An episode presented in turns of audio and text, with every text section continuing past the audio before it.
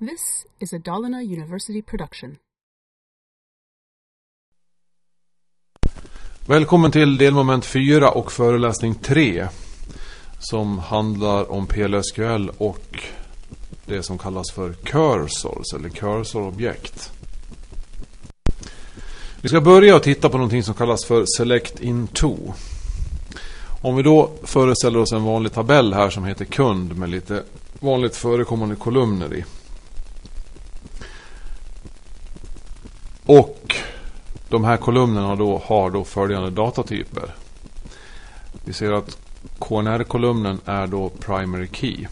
Och sen har vi förnamn, efternamn, mobil, telefonnummer. Som är av typen teckensträngar med olika längder, 25 och 10 tecken. Här har vi då en eh, programmerare som ska hjälpa oss. Som heter Kalle. Och den här Kalle då exekverar följande anonyma PLSQL-block vid en tidpunkt som vi kan kalla för T1. Han deklarerar två lokala variabler. Och så startar han då genom att skriva select mobil telnummer. Into de här lokala variablerna. V mobil och V underscore telnummer. Så att mobilnumret då kommer att hamna i V underscore mobil och telnumret, telefonnumret i V underscore telnumret. Och så drar han det ifrån tabellen kund där primärnyckelvärdet är lika med 3. Och sen skriver vi då ut mobilnumret och telefonnumret för den här kunden som har nummer 3. Och så kör han då det här då. Blocket. Och det nya här det är det vi kallar för select into.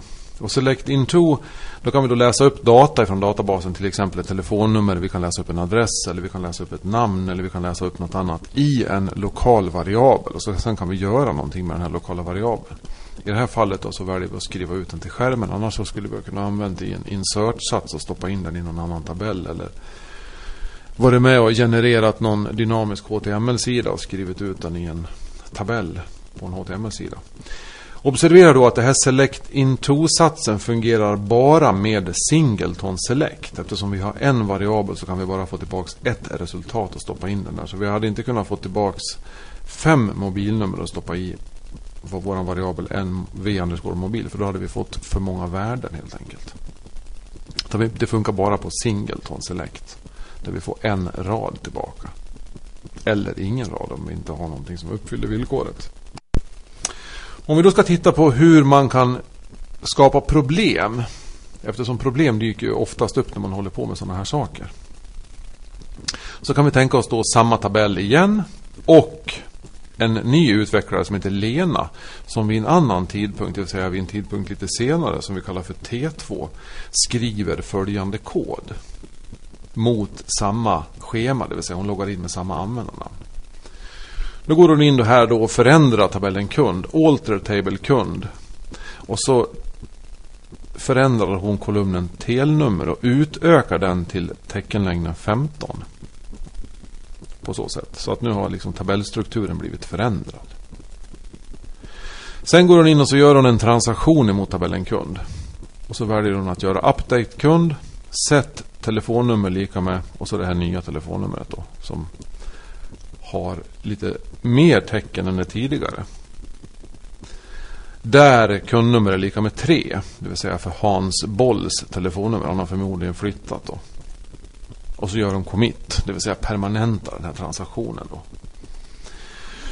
Så att vi får då en förändring av datainnehållet i tabellen kund. Så att det här då gör Lena vid tidpunkt T2. Utan att hon är medveten om det så har hon då sett till att skapa problem här. Så vi ska ta och titta lite grann på vilka problem hon har åstadkommit här. Hon har skapat ett problem som har rubriken ORA-06502. Ett vanligt problem när man håller på med PLSQL-programmering. Och vad händer då vid tidpunkt T3? Det vill säga senare än tidpunkt T2.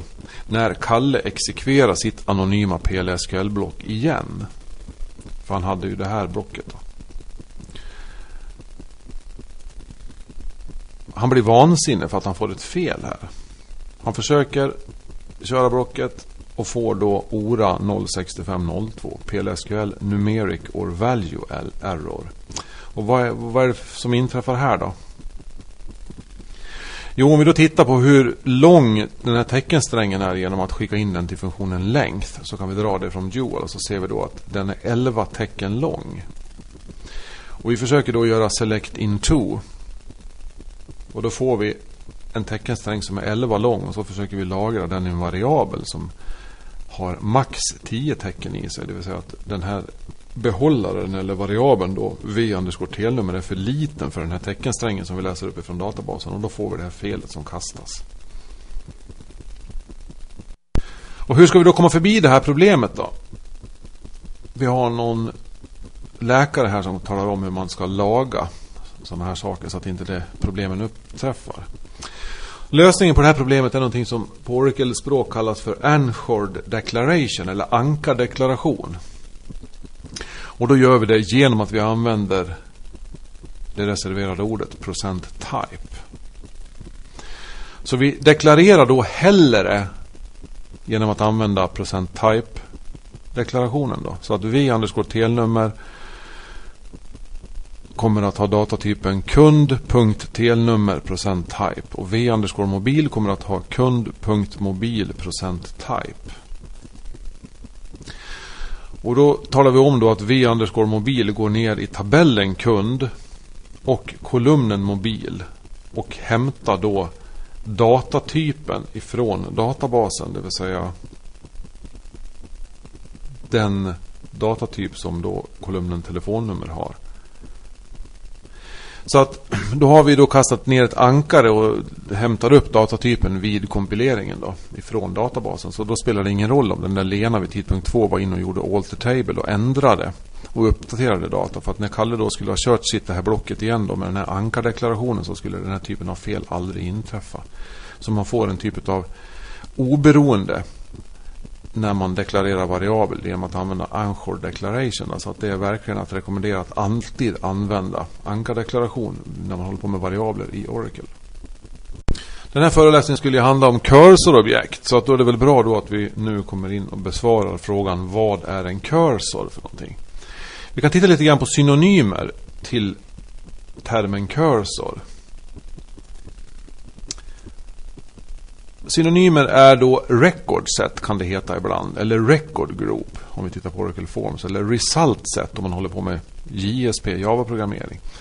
Eller man skulle till och med kunna kalla den för en länkad lista. Vi skulle kort och gott kunna säga att en cursor då är en packe med rader. Det vill säga resultatet av en selectsats. Så att skriver vi då select stjärna från kund så får vi tillbaka ett svar kanske med 400 rader och 20 kolumner. Då skulle vi kunna säga att select stjärna från kund är en cursor. Resultatet av en selectsats är en cursor.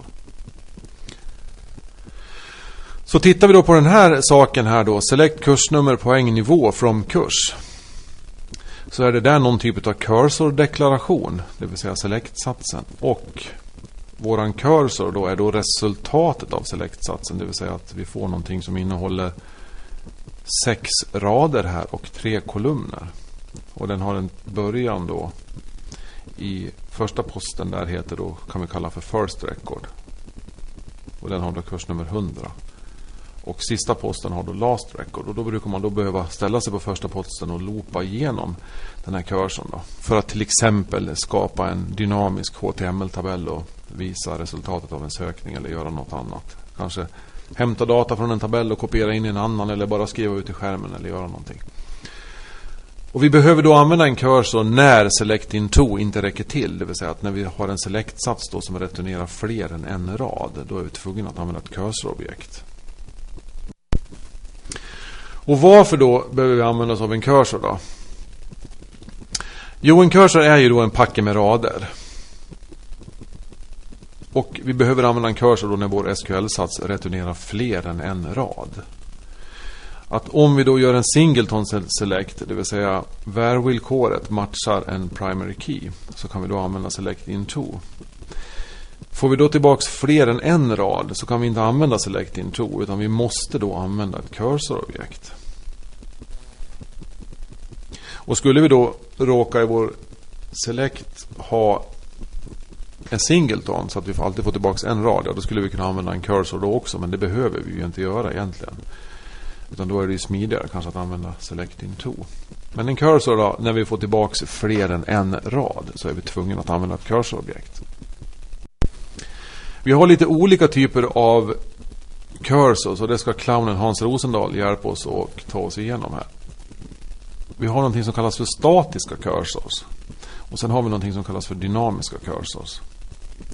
Statiska cursor är någonting som alltid refererar till samma SQL. Så att varje gång man gör open på en statisk cursor så exekverar samma SQL-sats så vi får tillbaks ett visst resultat. Då. Så att deklarationen är alltid samma. Dynamisk kursor kan referera till olika SQL-satser vid olika tidpunkter. Det kan vara att man öppnar en kursor och skickar med en in-parameter så att man får ett annat where-villkor. Eller att man har någon typ av REF-kursor som är svag, som man inte vet hur SQL kommer att se ut. Och den kommer vi inte att behandla på den här kursen. Utan vi kommer att hålla på med, med statiska kursor här. Och statiska kursor så har vi två olika typer. Vi har någonting som kallas för en implicit cursor. Och så har vi någonting som kallas för explicit cursor. Och en implicit cursor har en massa saker som hanteras implicit av databashanteringssystemet som inte vi behöver bry oss om. Det vill säga att den öppnas och stängs automatiskt och den eh, hopp, hämtar data automatiskt också. Men den andra då, explicit cursor, är vi tvungna att använda ibland. Till exempel om vi har en funktion då som skulle re returnera en ref-cursor. Det kommer vi inte heller prata om på den här kursen men i vissa fall då är man tvungen då att använda en explicit cursor. Och den måste man då för det första deklarera. Och för det andra måste man då eh, öppna den här. Och för det tredje så måste man då loopa igenom raderna manuellt och så måste vi då förmodligen då när vi står på rad 1 hämta ut data från den raden och så göra någonting med den här datan. Då. Plus att vi måste kontrollera när det är slut i den här att den har loopat igenom alla de här raderna och kommit till filslutet. Och så måste vi då stänga den då. Och det måste vi då hantera explicit. Det vill säga jag eller vi som utvecklare måste hantera det i vår kod. Om vi ska deklarera en cursor då. Här har vi då en ivrig PLSQL-programmerare som älskar att sitta och hålla på med cursorhantering.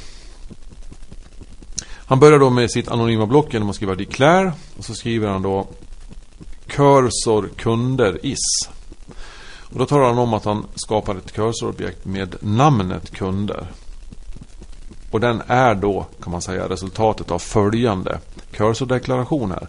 Select F-namn, E-namn, adress från kund. Det vill säga en väldigt enkel SQL-sats ifrån en tabell. Och så startar det här blocket och blocket gör absolut ingenting. Det gör bara null och så gör den slut så att det bara visar hur man deklarerar en kursor. Och namnet på kursen då är då kunder som vi ser där. Så det gäller då att man försöker hitta på ett ganska bra namn på den där kursen. Men en cursordeklaration skulle även kunna vara en väldigt komplex SQL-sats. För en SQL-sats, hur komplex och rörig den än är, så eh, det enda som man får tillbaka då det är ju en packe med rader och kolumner. Så att vi skulle kunna ha en cursor storkunder is. Och så har vi den här långa SQL-satsen. Men det är då fortfarande bara en resultatet av en selektsats Men det är också en cursor-deklaration som ser lite bökigare ut. Som bara plockar fram kunder som har ordrar i systemet som är värda mer än 2000, euro. Det vill säga sådana som handlar väldigt mycket. Man kanske vill skicka ut något extra erbjudande till de här kunderna och ha tagit namnet på dem. Så att en cursor är då resultatet av en selektsats. Vi ska titta på någonting som kallas för explicita cursor-attribut. Och då har vi något som heter procent is open och som kan returnera true eller false. Och det är huruvida den här kursen då är öppen. Om den är öppen, det vill säga att vi har anropat open på den så att den befinner sig uppritad i primärminnet. Då är den öppen och tillgänglig och då returnerar den här explicita cursorattributet i SOPEN sant. Annars är det falskt om den inte är öppen. Procent found returnerar true eller false beroende på om man då håller på att loopar igenom den här och hittar nya rader. Att man faktiskt landar på en rad som man inte landar i ett nullvärde. Och procent not found, ja den är inversen till den där då. Den returnerar sant utifall man inte hittar någonting utan, utan att man, man då landar i ett nullvärde. Och sen har vi då procent row count som returnerar number. Det vill säga att den returnerar, har man då processat tre rader i den här cursorn som kanske består av tusen rader så kommer procent row count att returnera tre. Så att om vi försöker förtydliga förklaringarna här med ett litet exempel nu så att vi har select f-namn e-namn från kund och får en cursor bestående av fyra rader och två kolumner där. Det är våran cursor. Så skulle vid den första när vi befinner oss i loopen här så skulle vid det här tillfället då row count ha värdet 1. Här skulle row count ha värdet 2, värdet 3, värde 4. Det vill säga att det finns fyra stycken rader här. Och när vi kommer till end of file, det vill säga filslut, när vi inte har någon mer post i den här länkade listan eller någon mer rad i det här resultatsättet. Så kommer då det här procent not found att returnera true. Och då ska vi förmodligen sluta loopa och gå ur loopen och stänga vår cursor. Eftersom det inte finns något mer att hämta ur den här postuppsättningen. Vi ska ta och titta på en cursor loop och har en hysterisk, neurotisk användare här nu som är väldigt nervös här för det är hans första cursor loop han ska skri skriva så han försöker hålla tungan rätt i munnen här nu. Börjar med det reserverade ordet declare. Och så skapar vi ett cursorobjekt, cursor C underscore kundmobil. Jag brukar om jag känner mig på mitt produktiga humör alltid kalla mina cursors för C underscore. Precis som jag kallar mina lokala variabler för V underscore. För då vet jag att det här är en cursor-variabel. Och den är då resultatet av följande select. Så select F-namn, E-namn och mobiltelefon från kundtabellen. Och sen så skapar jag då tre stycken lokala variabler. En som heter V underscore F-namn. Och en som heter V underscore E-namn och en som heter V underscore mobil. Och jag har gjort en snygg och prydlig ankardeklaration där utav datatyperna för de där. Så vi inte ska behöva få några problem med value error. Och så börjar vi då. Vi börjar med att öppna vår cursor. Och då är det då bäst att titta på att vi öppnar ju den inte om den redan är öppen. För då får jag bara ett felmeddelande som heter cursor is already open. Utan jag testar då att if not C underscore kundmobil is open then open kundmobil. Då öppnar jag kursen, det vill säga exekvera min SQL-sats och få tillbaka resultatet som ligger tillgängligt i primärminnet så att jag kan jobba mot min, den här listan. Då. Och sen så gör jag en diff där, så att då är den öppnad då. Nästa steg är då att jag ska loopa igenom det här resultatet av select SQL-satsen. Då använder jag det reserverade ordet loop. Och så ställer vi då pekaren på första raden i den här, i den här listan. Och sen så går vi då igenom och så hämtar vi data från aktuell rad in till våra variabler. Så att med det reserverade ordet fetch då, vår cursor C underscore kundmobil och den består då av raderna förnamn, efternamn och mobil. Into våra variabler V underscore F-namn, V underscore E-namn och V underscore mobil. Det vill säga att jag då får in förnamnet i min lokala variabel V underscore F-namn. Och då kommer ju då att när vi står på första positionen i vår, den här loopen så kommer vi att få ett visst värde i de här variablerna. Sen vart efter loopen fortskrider så kommer vi att när vi står på andra raden här så kommer de här värdena att skrivas över i våra lokala variabler. Så att våra lokala variabler innehåller ju bara data från första raden, från andra raden, från tredje raden, från fjärde raden och så vidare. Ända till vi då har kommit på slut, till slut där. Och sen så ska vi då sluta loopa när vi kommer till filslut, det vill säga när vi inte hittar någon mer rad. Och då talar vi om att vi ska göra exit when c underscore kundmobil procent not found. Det vill säga när, det, när den inte hittar någon mer rad, ja då slutar vi för då har vi kommit till filslut. Och sen då gör vi någonting med datat som vi har i våra lokala variabler. Det vill säga vi skriver ut förnamnet på första raden och så skriver vi ut efternamnet på första raden och så skriver vi ut mobiltelefonnumret till den här kunden. Då. Så att har vi då tio stycken rader i vår cursor så kommer vi att få tio stycken utskrifter. Och sen då talar vi om att vi avslutar den här loopen. Och sen stänger vi cursorobjektet, det vill säga avallokerar den minnesutrymme som den här länkade listan tar upp i minnet då, genom att vi gör close c underscore kundmobil. Och sen så gör vi en på vårt block där. Så att här har vi då en basic loop eller en, en enkel loop då för att explicit hantera en cursor.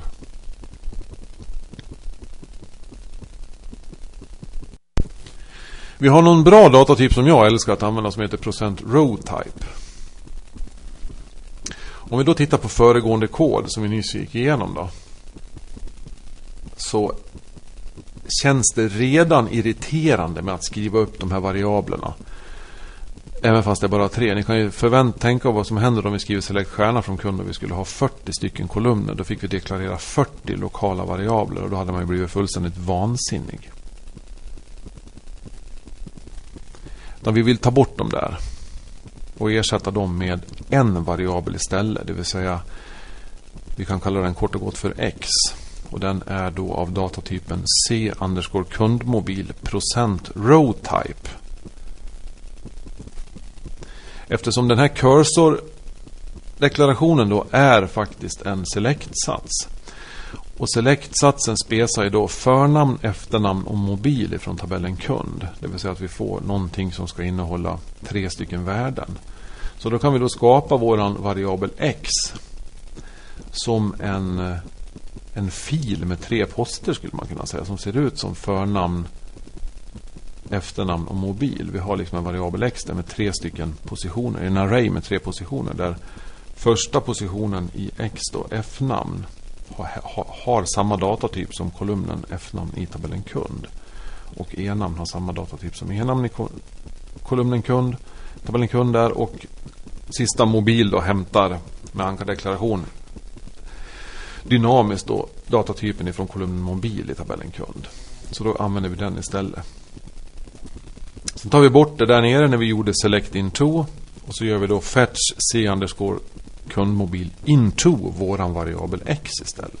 Så då slipper vi hantera de här tre lokala variablerna. Så använder vi våran variabel av radtyp. Det blir mycket mindre kod. Och på det sättet då så kommer vi att hämta in förnamnet och lägga f-namnet ifrån selektsatsen i behållaren f-namn i vår radvariabel och efternamnet i behållaren där och mobilnumret där också. Så när vi då skriver ut i dbms underscore output.put underscore line så refererar, skriver vi då ut variabeln x.fnamn och x.enamn och x.mobil.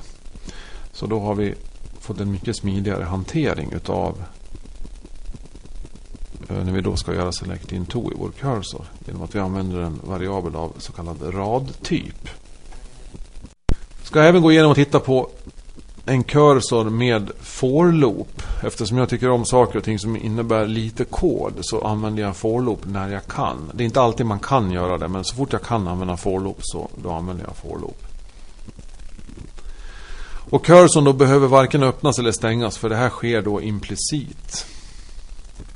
Så jag skulle då kunna deklarera min cursor här då explicit. Att jag deklarerar den här cursorn på det sätt som jag gjort tidigare. Och så vill jag då börja så vill jag då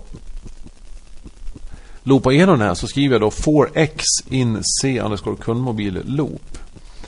Och x behöver jag inte deklarera då utan den blir då implicit en variabel av den här radtypen som vår cursor spesar. Nämligen efternamn, namn och mobil. Sen kan jag då kort och gott använda utskriftsfunktionen direkt. På samma sätt då. Sen är jag då klar.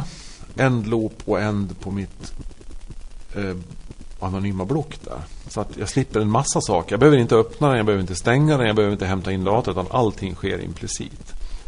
Så att i början ska man kanske då träna på att göra de här looparna explicit så att man kan hantera dem den gång man måste göra det. Till exempel när man då ska hantera så kallade ref-cursors. Som vi ledsamt nog inte kommer att ta upp på den här kursen utan den ligger då på en fördjupningskurs som går här på campus senare. Men om man då börjar använda for-loopar efter det att man har gjort sina basic-loopar så blir man glad för då känner man att man slipper en massa kod där. Då var det då slut på det här delmoment 4, föreläsning 3 på delmoment 4. Och Bror Duktig och jag hälsar på återseende. Och nästa delmoment då är då det sista delmomentet på föreläsningen på delmoment 4. Och den kommer då att handla om felhantering. Eh, på återseende.